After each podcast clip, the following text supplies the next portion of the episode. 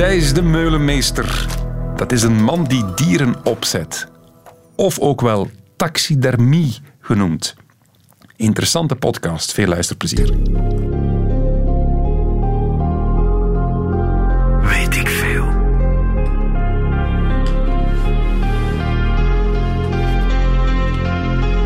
Kobe Ilse. Goedemiddag. We beginnen vandaag met een gedicht. Dat doen we alles graag bij Weet ik Veel. Het betreft een gedicht geschreven door Menno Wigman en het heet De Taxidermist. De halve ark van Noach lag hier in de vriezer. Morbide, zeggen ze. En toch, ik doe niets liever dan dieren weer een vorm, een blik, een ziel te geven. Als het maar lijkt, dus nee, geen haas met jagerstas, vos met wandelstok of aap met pijp. Heb jij ooit in het bos een eekhoorn kaart zien spelen? Het duurst zijn nog de ogen. Ik heb een vermogen aan ogen hier. Zie je die labels daar? Fazanten, valken, marters, moeflons, reeën. God, wat niet. Zoals je ziet, ik zit gehoorzaam na te bootsen. Verlies me in de voering van het dierenrijk. Soms broed ik dagen op de beste pose. Al meer dan dertig jaar zet ik de dood te kijk. Voilà, dat, dat zet eigenlijk het thema wel, want het gaat vandaag over taxidermie en dat is beesten opzetten. Klopt. Bij mij in de studio, je hoorde al het woord klopt van de man, Thijs de Meulemeester, co-auteur van Wonders Are Collectible, een boek over taxidermie. Dat klopt ook. Je hebt niet alleen een boek geschreven erover, je hebt het ook in huis van die opgezette dieren. Ja, dat klopt inderdaad ook. Je zegt veel het woord klopt. Ja, ik zal erop letten. Wat voor beesten heb je staan of hangen? Sinds gisteren morgen heb ik ook een opgezette zwaan in huis. Er was een rommelmarkt in Gent waar ik van moest passeren natuurlijk. En eh, daar hebben we een opgezette zwaan gekocht. Er staat ook nog een kraanvogel, eh fazant, van alles en nog wat. En wat een is je pronkstuk? Is dat nu de zwaan? Nee, nee, die kraanvogel is wel echt het pronkstuk. De kraanvogel. Ja. Heb je die zelf opgezet? Nee, nee, ik heb die gekocht van een taxidermist. Oké. Een uur lang over opgezette beesten. Ja, dat kan allemaal op Radio 1. Zeer fijn dat u luistert. Welkom. Vang een vis in de diepe zee. En breng hem mee naar huis. Laat uw vader of uw moeder het innerlijke uithalen en ga dan als volgt te werk. Weet ik veel. Laat lichtjes sudderen in formol. Neem wat oude kranten of gelijk welk papier Wat watten. En vul daarmee de lege kille vishuid. Laat drogen. Koud opdienen en geregeld afstoffen. Ja, het is van alle tijden. Taxidermie, daarover gaat het in weet ik veel vandaag. Met eh, Thijs de Meulemeester, een man die daar een boek over geschreven heeft. Eerst en vooral, wat is taxidermie precies? Is daar een definitie over? Een definitie is eigenlijk letterlijk het verplaatsen van huid. Het verplaatsen van huid. Van huid. Dus dat, wil eigenlijk al, dat zegt eigenlijk al veel, vind ik. Want als het enkel over huid gaat, gaat het eigenlijk niet over een dier. Het gaat eigenlijk gewoon puur over het vel, de vacht van een dier. Dus een, een, zo, een koevel op de grond is eigenlijk een soort een vorm van taxidermie dan. Je, je, zou, Zou je kunnen zeggen. je zou het kunnen stellen, maar de echte taxidermisten spannen natuurlijk die huid op een soort malletje, op een soort van vorm, die zo natuurlijk mogelijk dat dier eh, reconstrueert. Mij doet het ook altijd een beetje denken aan een soort mummie. Of, of, of ja, dat is eh, niet slecht als, als idee, maar de mummies waren toch wel ietsje anders qua functionaliteit. Mu- Mummies dienden niet om geëxposeerd te worden op een sokkel of zo. Een, eh, Ah, ja. een opgezette vogel, die staat in de vitrinekast en daar kan je naar kijken. Een mummie zit onder de grond in een sarcofaag en die werd gewoon gebalsemd Ja. en ingepakt en onder de grond gestopt. Maar het is toch een soort. Ehm, hoe moet je het zeggen? De, de, de verrotting of het verdwijnen van iets tegengaan. Dat heeft mummificatie en taxidermie wel, wel gemeen. Hè? Absoluut, het is echt de, de dood op pauze zetten, zo gezegd. Voilà. Een soort van streven naar onsterfelijkheid die van alle tijden is eigenlijk. Maar de mummie, bij de mummie is het proces wel helemaal anders als het taxidermie. Het is niet zomaar het verplaatsen van huid. Bij een mummie wordt het lijk gedehydrateerd en gebalsemd.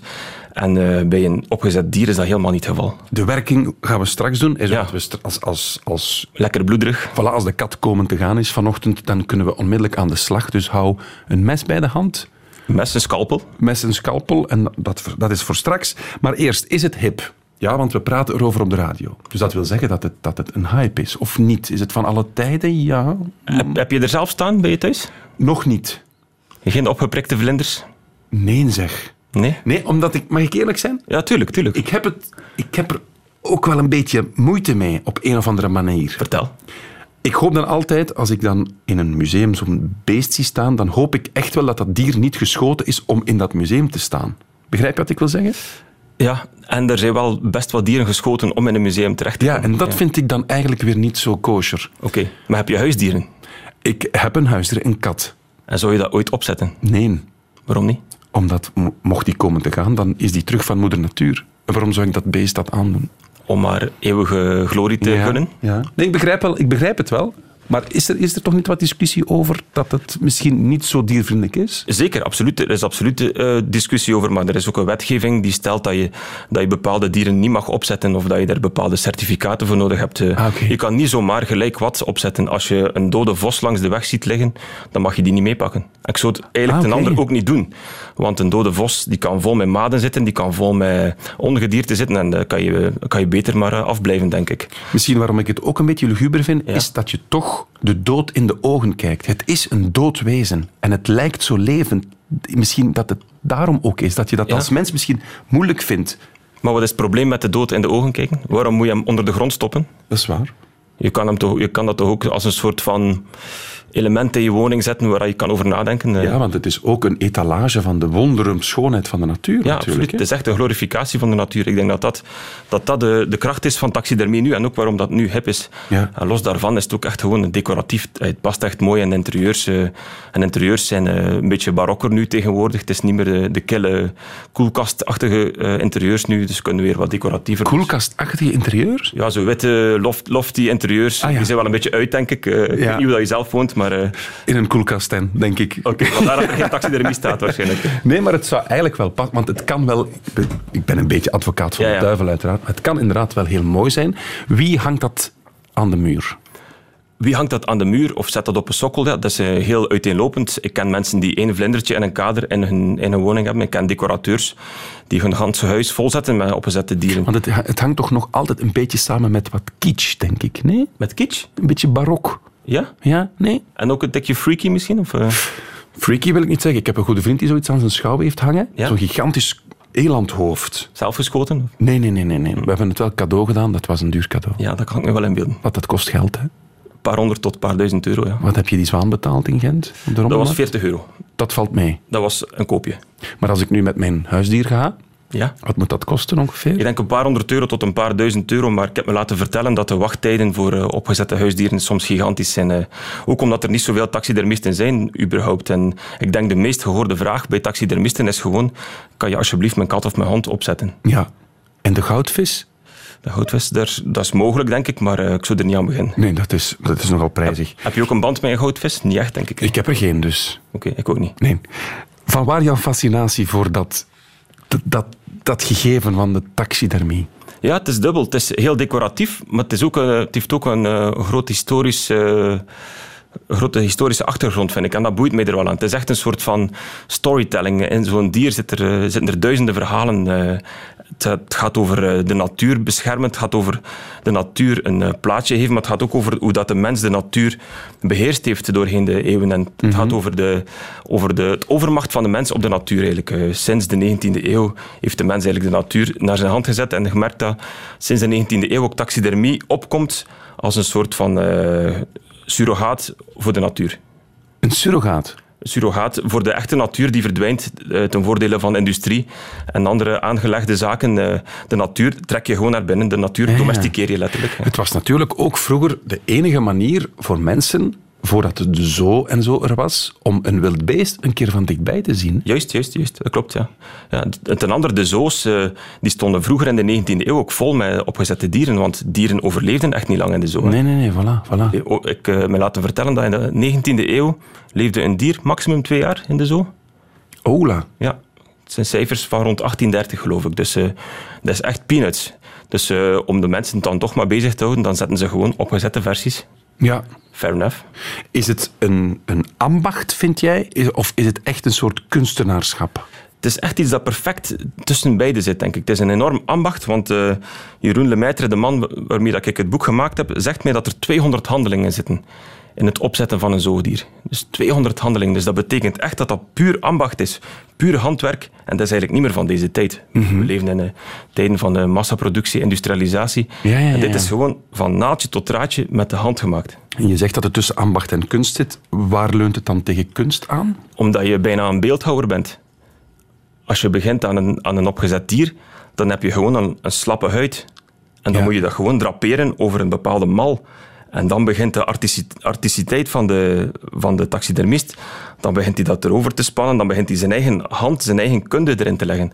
En ik denk dat dat, dat, dat wel geleid heeft tot bepaalde vormen van taxidermie, waarbij dat de mens meer de creator was dan de natuur. Dat de mens een soort van god speelde, dat de mens een soort van verzinsels maakte in taxidermie, die niet meer zo bij de natuur aanleunden. Ja, want de pose is ook enorm van belang. Absoluut. Dat maakt eigenlijk de geloofwaardigheid van het hele, het hele opzet. Hè? Ab- absoluut. Oei, als, ja. als je een keer op, eh, op eh, Google Images zoekt op, op crappy de- taxidermy, dan kom je echt wel eh, gruwelijke zaken tegen eh, we doen. van slecht opgezette dieren. Maar het is, het is zelfs niet eens, je hoeft zelfs niet eens op Google te gaan. Als je in het museum in Brussel gaat bijvoorbeeld, in het Museum voor Natuurwetenschappen, dan vind je daar ook crappy opgezette dieren uit de 19e eeuw. Ja. Maar dat is puur omdat de mensen in die tijd, de biologen in die tijd, niet exact wisten hoe die dieren eruit zagen. Ah ja, en dan ook een een- soort eigen invulling gaven aan. Ja, Ah ja, ja, oké. Er is ook een component van fantasie en ook een, een component natuurlijk van het degraderen van die dieren. Die dieren gaan achteruit door schimmels, door museumkevers en die dieren gaan gewoon achteruit. Ik ben er geweest in het museum in Brussel en dat was echt een eye-opener om te, om, eh, om te zien hoe die dieren daar eh, in massa staan. Sommige prachtig, levensecht en andere een beetje minder levensecht. Je hebt daar een woord gebruikt dat ik nog nooit in mijn leven heb gehoord. Mag ik iets meer uitleg vragen bij museumkever? De museumkever. Wat is dat in godsnaam? Dat is een, eh, een bepaalde kever die, eh, die in musea eh, eh, goed zijn werk doet. Die, Zich voedt met opgezette beesten. Onder andere, maar je, je kan ook van, van bedreiging zijn voor bijvoorbeeld schilderijen. En dat is echt een kever. ja. Als je in in het museum in Brussel, eh, in de afdeling taxidermie, staat er eh, staat vol met doosjes eh, bestrijdingsmiddel tegen museumkevers. hè. En opgezette museumkevers ook? Die heb ik nog nooit gezien. Oké. Crazy taxi... Crappy. Crappy. Weet ik veel? Crappy taxidermia op Google. U komt wat tegen. Zo'n schele beer. Een ezel zonder voorpoten. Jongens toch. En iemand die doedelzak speelt op een dode geit. Crappy taxidermia op Google. Want het gaat over taxidermie vandaag in deze Weet ik Veel. Ik raad ze allemaal aan dus van een huisdier, bijvoorbeeld hond of kat, een troeteldier dus, niet te laten opzetten, maar het te vervangen door een nieuwe. Weet ik veel? Dat is altijd interessanter als een dood opgezet dier. De gast van vandaag is misschien niet 100% of gaat misschien niet 100% akkoord met wat, er net, wat u net hoorde in deze jingle. Dat het beter is om een dier te vervangen met een levend exemplaar dan het op te laten zetten. Er is iets voor te zeggen, ja. Toch? Ja, toch. Ja. Oké. Waarom niet? U hoort Thijs de Meulemeester, co-auteur van Wonders Are Collectible. Dat, gaat een, of dat is een boek over taxidermie. Laten we beginnen bij het begin. Ehm, mijn kat is komen te overlijden. Hè? Stel. En het beestje ligt daar. Hoe begin ik eraan? Want ik wil Ploeske toch wel heel graag opzetten. Wat doen we? Dan dop je het eerst in de diepvriezer. Sorry? In de diepvries? Ja, ik zou dat toch wel doen. eh, Zo snel mogelijk invriezen. Want hoe langer dat je het natuurlijk, eh, de natuurlijke ontbindingsprocessen laat Ah ja, doorgaan, hoe slechter dat eh plusje er zal uitzien. Oké. Ik zou het zo snel mogelijk invriezen en dan naar een taxidermist stappen. En wat doet die man er dan mee? Gaat hij die opensnijden? Wordt, want ik, ik neem aan dat alle zachte massa, die organen en, en wat er nog allemaal in zit, dat moet daar toch uit? Absoluut. Maar het eerste dat hij zal doen, denk ik, is die kat opmeten. Om te zien hoe dik dat ploesje was, hoe, hoe groot dat de afstand is van haar kop tot haar staart, hoe dat zit met de, de verhouding van haar pootjes en haar buik. Ja? En dan weet je precies hoe dat, dat dier er moet uitzien in opgezette versie. Dat is wel Ah, essentieel, want anders krijg je crappy taxidermy. Ja, maar wacht. Dat beest blijft toch bestaan? Nee, nee, nee, nee, nee. Van dat beest blijft er niks over behalve de huid. Ah, ook niet het geraamte. Niks. Eh, Het geraamte gaat er ook uit. Tenzij Ah, sommige delen van de nieuw. schedel soms om de ogen in te steken. Maar het gros van de geraamtes die gaan er gewoon uit. Dus je gaat puur het vel spannen over een nieuw geraamte dat je zelf Ja, maakt. dat vel wordt eerst gestroopt met eh, chirurgisch materiaal natuurlijk. En dan wordt dat vel behandeld zodanig dat het stabiel blijft. Dus dan moet dat, eh, dan moet dat eerst ontvet worden. Ja. ontvet. Dat is met zo'n soort schuurmachine-achtig spul. En dan daarna moet dat gelooid worden. Dus dat is eigenlijk een soort van emulsie, een soort van uh, chemische reactie, waardoor dat de haartjes bijvoorbeeld op plus zijn de vacht er mooi blijven opstaan, want anders vallen die er allemaal uit. Ah, dus eh, ik dacht dat het een soort. Uh, ik dacht dat het eerder een fijn werk was dat je via de poep of via de mond alle organen er zou uithalen. Nee, nee. Dat, nee. Het is iets anders dan een kalkoen vullen voor kerstmis. Ja, ik had dat, ik had dat meer in, in, in gedachten. Ja, ja. En wat, wat gebeurt er met, met al die overschotten? Dat is dan voor de rendax van deze wereld. Dat denk ik, ja. Ja, want met dat geraamte kan je dan ook niet veel meer in, uh, in het museum in Brussel is er een afdeling die geraamtes opzet ook. Dus uh, die hebben er ook een ganse collectie met, met skeletten van, van dieren. Dat is dan weer een andere job. Ja, die wordt ook uh, gemakkelijkheidshalve tot de taxidermie gerekend, maar eigenlijk is dat een aparte job. Maar wij hebben het vandaag vooral over dus de dieren die je vindt op rommelmarkten en, en die tegen de muur hangen, de opgezette dieren, ja, zoals we juist. die kennen. Of van jagers. Hè. Jagers uh, schieten ook soms uh, wild en als dat een, een, jaagbaar dier is, als dat legaal is, dan mag je die ook laten opzetten. Toch? Ja. Oké, okay, dus we hebben Ploeske gevild. Ja. De rest is weggegooid. Ja. Verbrand zien we, die zien we nooit meer terug. De vacht hebben we nog. Die is gelooid en ontvet. De tanden, ook de, de, de muil, alles is weg. De ogen het is puur ook. de vacht. De ogen gaan er ook aan. Ah ja, tuurlijk, want dat begint te rotten en te stinken. Ja, maar ja, dan moet je ze wel reconstrueren. Hè. Ah ja, tuurlijk, want je wil wel dat die lijkt op Ploeske van daarvoor. En dat ze misschien zelfs nog mooier is dan Ploeske. Ah ja. Ooit geweest is. Oké. Okay. En dan, we hebben, dan, dan moeten we een mal maken of een, een, een, nieuw geraamte. Juist, dan moet je een mal maken. Er zijn taxidermisten die zweren bij de, bij de manuele techniek, die zelf een mal maken in stro of in hooi, zoals dat altijd is, uh, is gebeurd. Okay. Maar tegenwoordig zijn er ook nieuwe technieken. Je kan ook prefab mallen kopen.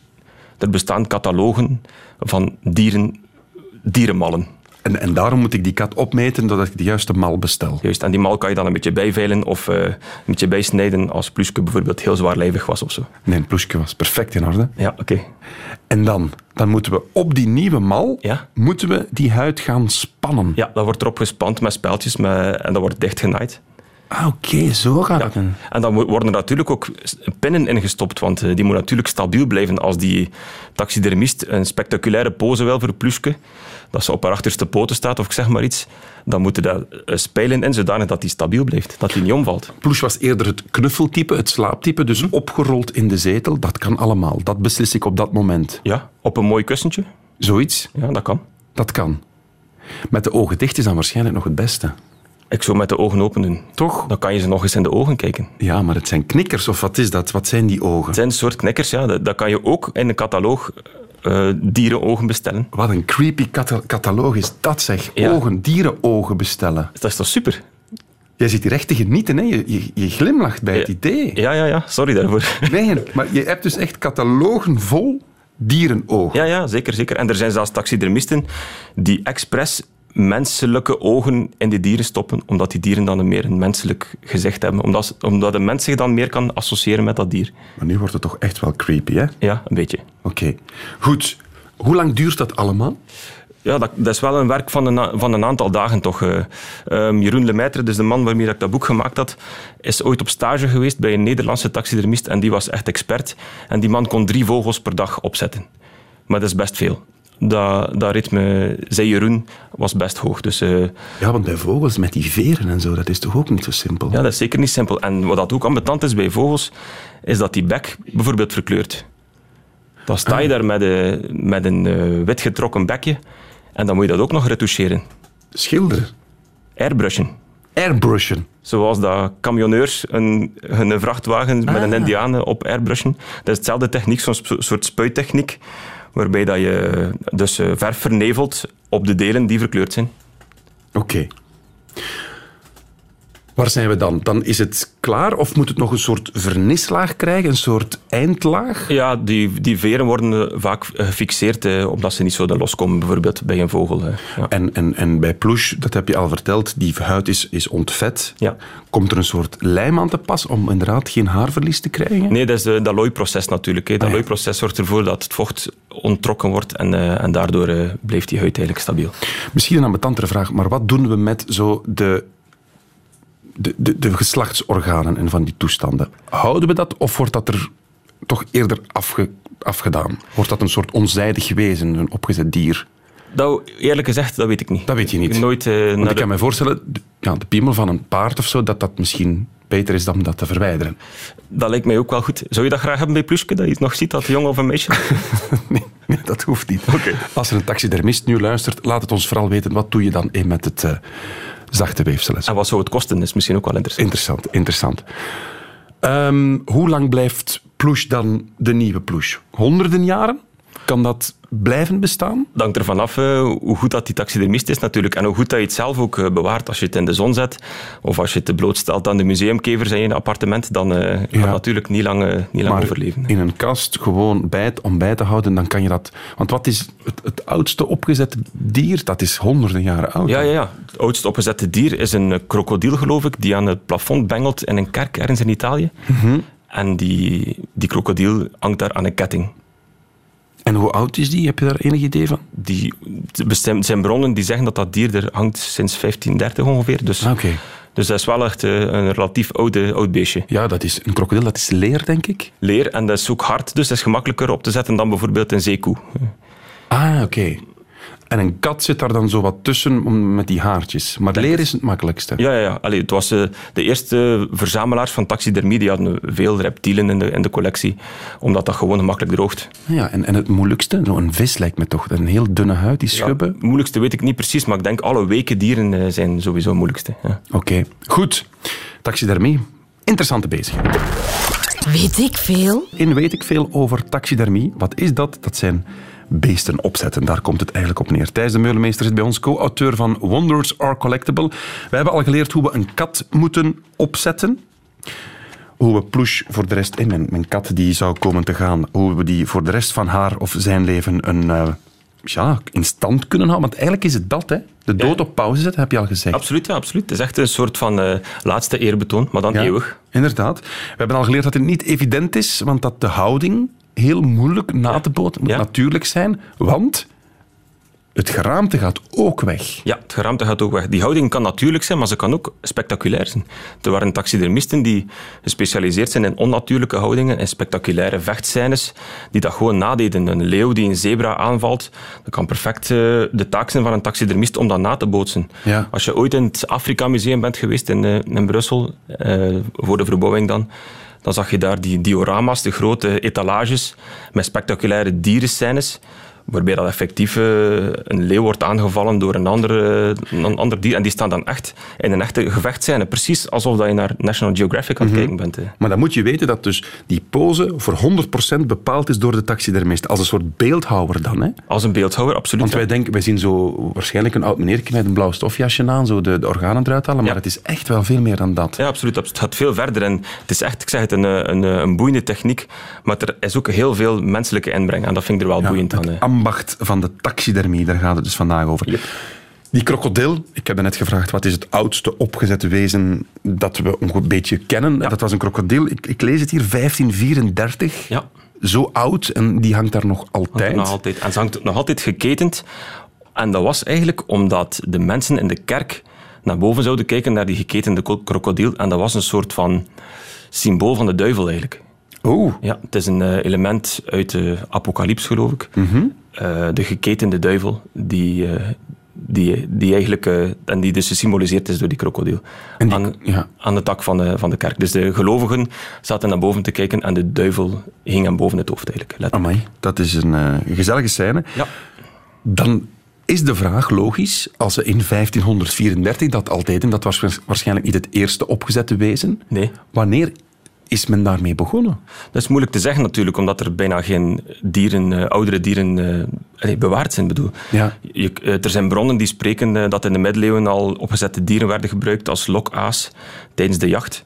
Maar die zijn natuurlijk niet bewaard gebleven. Tuurlijk. Dus het blijft, blijft bij bronnen. En al, we hebben al geleerd dat het eigenlijk vooral over de huiden gaat. Ja. Dan kan je zeggen, zo de Neandertalers die met die huiden rondliepen, die waren zich toch ook al bewust van de waarde van een dood wezen. Hè? Ja, absoluut. absoluut ja. Bedoel, er ging ook niks verloren, denk ik, bij de Neandertalers. Nee, nee. Die aten alles op. Die... Niet voor het esthetische, maar dan eerder voor, het, voor, het, voor de warmte van... eh, Juist. En dat is het verschil met nu. Die taxidermie van nu is echt een soort esthetische ja, fetish. ja.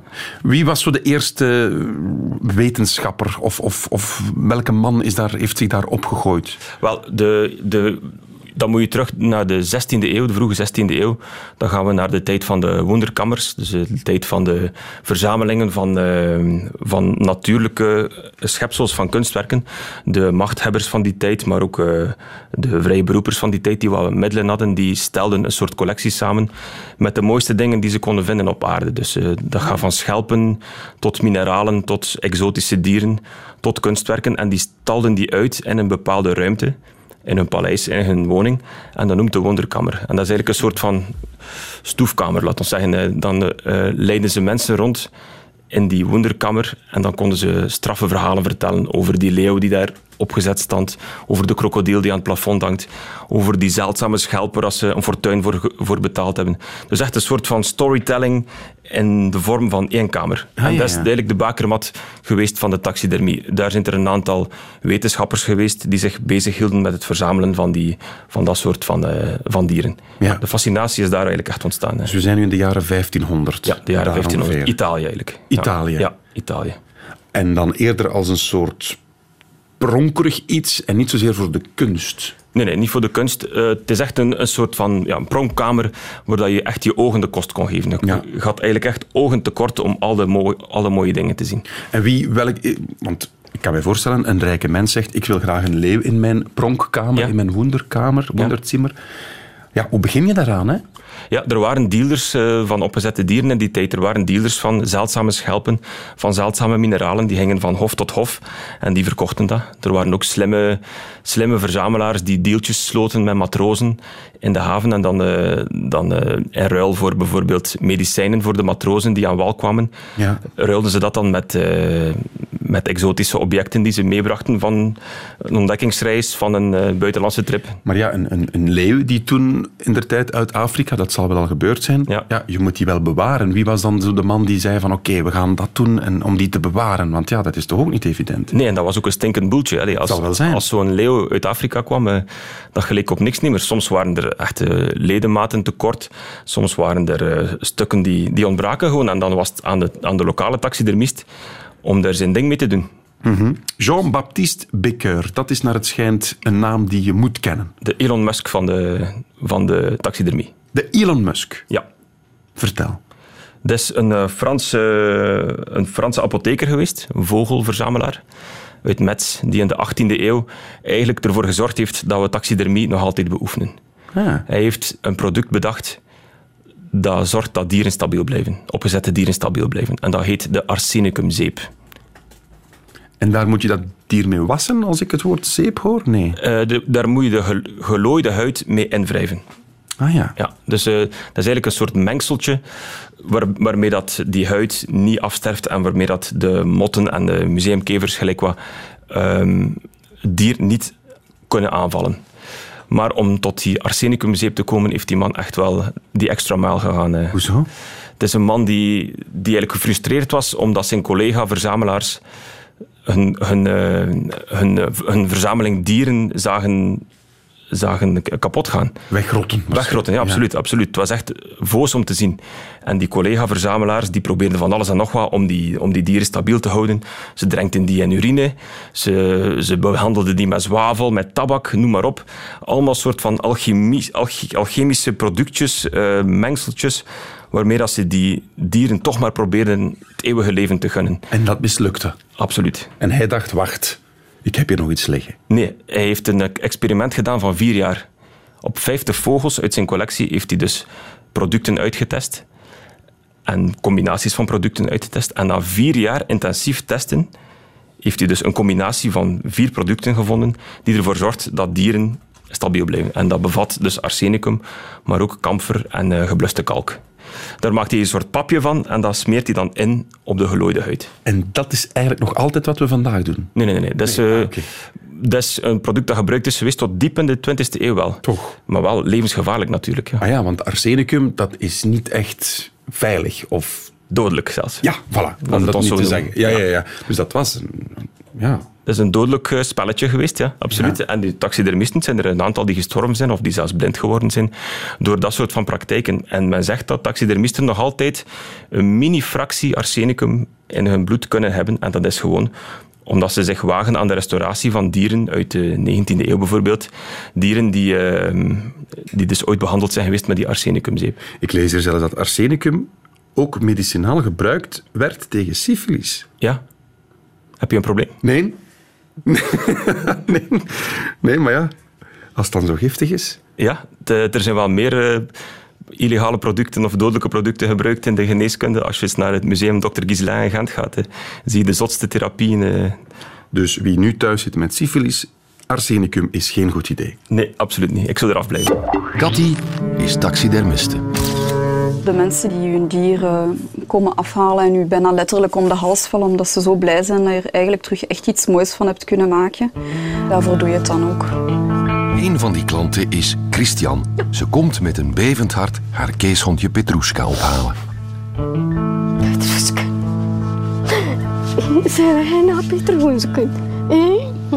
Een zoontje en een kruisje, eh? zoals mami altijd deed. En hier heb je spuitje gehad, hè, vriend. Nee, dat was toch erg, hè? Katty heeft dat goed gedaan, hè? Weet ik veel. Het klinkt een beetje banaal, hè, het onderwerp van vandaag, weet, in weet ik veel, taxidermie. Maar als je dan dit fragment hoort, dan besef je pas dat een dier opzetten meer is dan alles eruit te halen en over een mal te spannen. Het is in doodwezen toch terug een, een ziel geven. Absoluut. Ja, hè? En het is echt iets des mensen ook, denk ik, om dat, om dat dier te proberen vasthouden. Zeker in het geval van huisdieren. Oké. U hoort Thijs de Meulemeester aan het woord. Dat is de co-auteur van een boek over taxidermie, Wonders Are Collectible. Goh, waar zitten we in de geschiedenis? We hebben al geleerd dat arsenicum niet helpt tegen syfilis, maar wel zeer goed is om een dier op te zetten. Ja, absoluut. Of om die vacht goed te bewaren, zodat het niet verder rot. Zeker, maar arsenicum wordt nu al niet meer gebruikt. Dat is vervangen door andere middeltjes. Maar goed, eh. Maar dat, dat, tot de jaren 70 was dat wel, hè? in ja, ja, 1970. zeker. zeker. En als je naar de rommelmarkt gaat en je koopt een opgezette zwaan, dan moet je je handen goed wassen achteraf. Ah, dat is een goede tip nog. Want anders, eh, Ah ja, tuurlijk. misschien kan er wel iets aanplakken. Hè. En dat wil je niet binnenkrijgen, hè, Nee, tenzij dat je syfilis hebt. natuurlijk. Nee, dat is blijkbaar ook toch niet zo. Oké. Dat is een zalfje tegenwoordig. Hè? Je bent ervaringsdeskundige. Nee, toch niet. Toch niet. Goed, ehm, nog wat geschiedenis. Want eh, we zitten dan, ehm, ja, 19e eeuw, Ja. denk ik ongeveer. De bloeiperiode. De bloeiper dat is de bloeiperiode. Ja, zeker de recentste bloeiperiode van taxidermie. Zeker eh, het huisdier werd eh, een soort statussymbool. Mensen trokken het dier binnen in hun, in hun woning. Het werd een decoratief wezen waarbij, dat, waarbij dat mensen zich konden echt vergapen aan de schoonheid van de natuur. Het was echt cool toen. Werden er, of zijn er ook mensen opgezet? Er zijn mensen opgezet, ja. Is het waar? Een schandalig eh, onderwerp wel, ja. Hoezo? Ik bedoel, eh, een mens die opgezet is geweest, het bekendste voorbeeld is El Negro. En dat is een, eh, een eh, Afrikaanse man die opgegraven is rond 1830, nadat hij dus begraven is geweest. Een Franse onderzoeker was in Botswana en eh, had er niks beter op gevonden dan die man terug uit de grond te halen. Ja. En hem mee te brengen naar Parijs. Er is een klankfragment over. Kijk, El Negro is een opgezette neger in een museum. Tot het jaar 2000 stond hij aan de voet van de Pyrenee tussen de opgezette dieren. Hij kijkt je aan op een voetstuk genageld. Weet ik veel. Ja. Komt wel binnen als je het zo hoort. Hè? Absoluut, het is echt eh, puur racisme. Dus die stond echt tussen de wilde dieren, Ja. ook opgezet zoals een dier is opgezet. Ja, maar dat was, gruwelijk. in de 19e eeuw was dat eigenlijk ook niet zo abnormaal. Op de wereldtentoonstellingen werden mensen ook gewoon geëxposeerd in kooien. Eh, eh, exotische mensen, bedoel, er waren Afrikanen Ja. die in kooien zaten waar dat de bezoekers apennootjes naartoe gooiden. Dus Dat soort van praktijken zijn echt nog niet zo heel lang geleden. Mhm. Maar zou dat vandaag op een of andere manier mogelijk zijn? Nee. Mens opzetten. Ja, stel nu, ik vond de bomma echt wel heel fijn. Ik wil die er graag bij houden. Dat, dat, dat mag toch niet wettelijk? Ik denk niet dat dat mag, eh, wettelijk. Nee. Daar, heb ik- daar heb ik nog nooit over gesproken met een taxidermist, maar ik denk niet dat dat, dat, eh, een goed idee is. Maar is het in de geschiedenis... Er moeten toch wel rare mensen geweest zijn die zeiden van ja, ik wil, een, ik wil mijn vrouw of mijn moeder of eender wie laten opzetten. Ja, er bestaan zelfs films over, denk ik. Maar eh, het, is, ja, het is een praktijk waar ik geen, geen weet van heb. Maar ik denk dat het ook in de illegaliteit zou zitten, eh, eerlijk Want gezegd. Wat, waar we nog niet over gesproken hebben, is het sterk water. Ja, Dat ken ik, zo de potten met de dieren op sterk water. Ja. Is dat ook is dat hetzelfde Of net niet? Dat is niet hetzelfde. Het is een andere techniek, maar het behoort ook tot de taxidermie en het behoort ook tot de collecties. Als je mensen bezoekt die een aantal opgezette dieren hebben, dan kopen die vaak ook dieren op sterk water nu. Mhm. Eh, het is wel een relatieve kunst om dat sterk water eh, allee, op niveau te houden en om, dat, eh, om die dieren daar effectief lang in te bewaren. Want dat niveau van die formaldehyde mag niet zakken natuurlijk, anders rotten die, die Maar nu ik er even over nadenk, we hadden het net over mensen. Hè? Ja. Maar wat Kurperwelten doet, die tentoonstelling, dat is eigenlijk wel mensen opzetten, mensen bewaren. En dat, dat waren levende mensen. Absoluut, ja. Dat is met een soort injectietechniek, geloof ik, waarbij dat die, die lijken worden geplastineerd. Ja. Dus waar ze een soort plastiek van maken eigenlijk. En Dus dan zo'n gekke vraag was het nog niet, hè? Nee, dat is zeker geen gekke vraag. eh. En eh, ten andere, Kurper Welton is eigenlijk ook een soort van rondreizende freakshow, eigenlijk. hè. Zoals dat er in de 19e eeuw ook freakshows waren, maar dan met dieren en met, eh, en met mensen. Ja, maar ik moet eerlijk zijn, ik heb Kurperwelten gezien. Ja.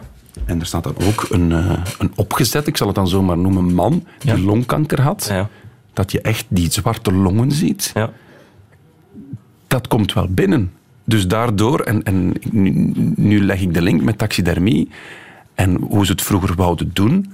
Het conserveren van iets kan ook iets zeer goed zijn voor de mensheid. Om iets bij te houden en te laten zien van kijk, dit is het wel. Ja, maar in het geval van El Negro ben ik er nu wel niet van overtuigd. Nee, Als je naar een opgezette eh, Afrikaan gaat kijken in een museum, eh, dan, eh, dan stel je daar toch wel vragen bij, denk ik. Maar goed, dat was in de tijd dat antro- antropologie opkwam, dus dat, het was ook een soort van studieobject in die tijd. Het valt te kaderen in de tijd, maar met de ogen van nu is het echt eh, compleet racistisch. En ten ander, El Negro eh, heeft op enorm veel protest gestoten eh, toen dat, de Olympische Spelen in Barcelona waren. Ik geloof in begin jaren 90. Ja, 92 denk ik. 92 waren de atleten, de Afrikaanse atleten wilden niet deelnemen, omdat El Negro nog in dat Catalaans museum stond. Dus ze zijn een soort boycott gedaan voor de Spelen, opdat dat eh, El Negro zou gerepatrieerd worden naar, naar Botswana. Ja, ja, ja. En dat is uiteindelijk gelukt ook. Dus die staat niet meer in dat museum, wat dat ook wel goed is. hè. Zijn er bekende verzamelaars? Van taxidermie? Ja. Ja, Kunnen er zijn bekende zijn er grote voorbeelden die zeggen van ja, dat is fantastisch. Hitchcock dacht ik, hè? Nee? Hitchcock was, eh, was vooral een liefhebber van, eh, van, eh, van taxidermie. En in zijn films merk je daar ook wel wat van. Hij heeft een aantal films. The Man Who Knew Too Much uit 56 gaat over... allee, er is een, een scène in een taxidermie-shop. Mhm. Maar vooral Psycho natuurlijk. eh, dat gaat over eh, Ja, tuurlijk. die moteleigenaar die, eh, die effectief ook dieren opzet. En die, die ervan beweert dat dat zijn hobbytje is. Maar het is natuurlijk helemaal zijn hobby niet, want hij heeft al zijn moeder opgezet. Ja, ja, dat is dus nu wel de clue weggeven aan de mensen. spoiler alert. Psycho, mensen hebben hem ondertussen wel gezien, denk ik. Denk het. Nog bekende voorbeelden? Van? Damien Hirst bijvoorbeeld. Damien Hirst. Wat hij tegenwoordig doet, dat is toch eigenlijk ook die haai?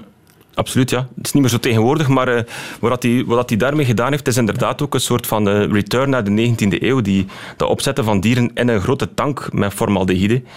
Met dat verschil dat die, die haai eigenlijk een soort van eh, ja, glorieus podium heeft en een soort minimalistische houden frame, die dan weer verwijst naar minimalistische kunst. Dus allee, het is op zich wel een update van die oude techniek. Maar Damien Hirst is een all-time liefhebber van taxidermie. Ja, want een hij heeft groot ook toch verzamelaar. die koe gewoon doormidden gesneden. Hè? Ja, ja, en van alles en nog wat. Ja, Ja, ja, ja. ja, ja. en je verzamelt dat ook. En eh, in Londen kan je tegenwoordig naar zijn museum ook, naar zijn Murder Me collection gaan kijken. En daar zie je ook een aantal bekende voorbeelden van taxidermie.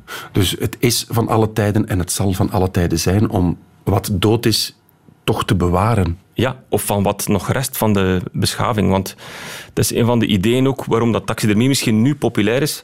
Omdat de aarde naar de knoppen gaat. En omdat er misschien wel een aantal soorten gaan uitsterven. En dat we daar misschien moeten over nadenken om te denken wat dat we gaan achterlaten. Mhm. Wat dat de fossielen van de toekomst gaan zijn. En misschien kunnen we die wel opzetten. Weet ik veel. Heb ik goed geluisterd. Over taxidermie ging het vandaag.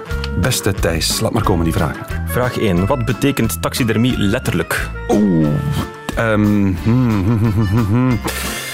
Oh, ik ben het vergeten. Ik ben het echt vergeten, sorry. Wat was het? Het verplaatsen van de huid. Juist. Tju, volgende vraag. Stel dat je Pluske zou willen opzetten. Hoe behandel je haar vacht? Niet met arsenicum, zo deden ze het vroeger. Ontvetten. Dat was het, hè? En daarna? Eh, insmeren met iets. Dat is looien. Looien. derde vraag. Waarom is het gemakkelijk om reptielen op te zetten? Omdat, eh, ja, het is het, we, we, we hebben het vel nodig en een reptiel is leer. Het is wel grappig hoe je zo tips zit te geven. het is oké. En we hebben leer, dus dat kan je gemakkelijk opspannen. Dat is goed, hè? Ja, zeker. Dat kan ermee door. Hey, één op drie. En de, en de laatste vraag. ehm, wie is de Elon Musk van de taxidermie? Ik ga spieken. Bikker. En waarom? Ja, met zijn arsenicum en zo, nee? Juist. Ja, voilà, dat was het. Twee op vier. Maar ja, kom. Kan er net mee door. Thijs, hartelijk bedankt voor een uurtje taxidermie. Zeer interessant. Doet u het zelf wel eens? Misschien toch maar eens proberen. Radio 1. Weet ik veel? Dit is het einde van deze podcast van Weet ik Veel. Weet ik Veel is trouwens een programma van Radio 1. Op radio1.be vindt u nog veel meer.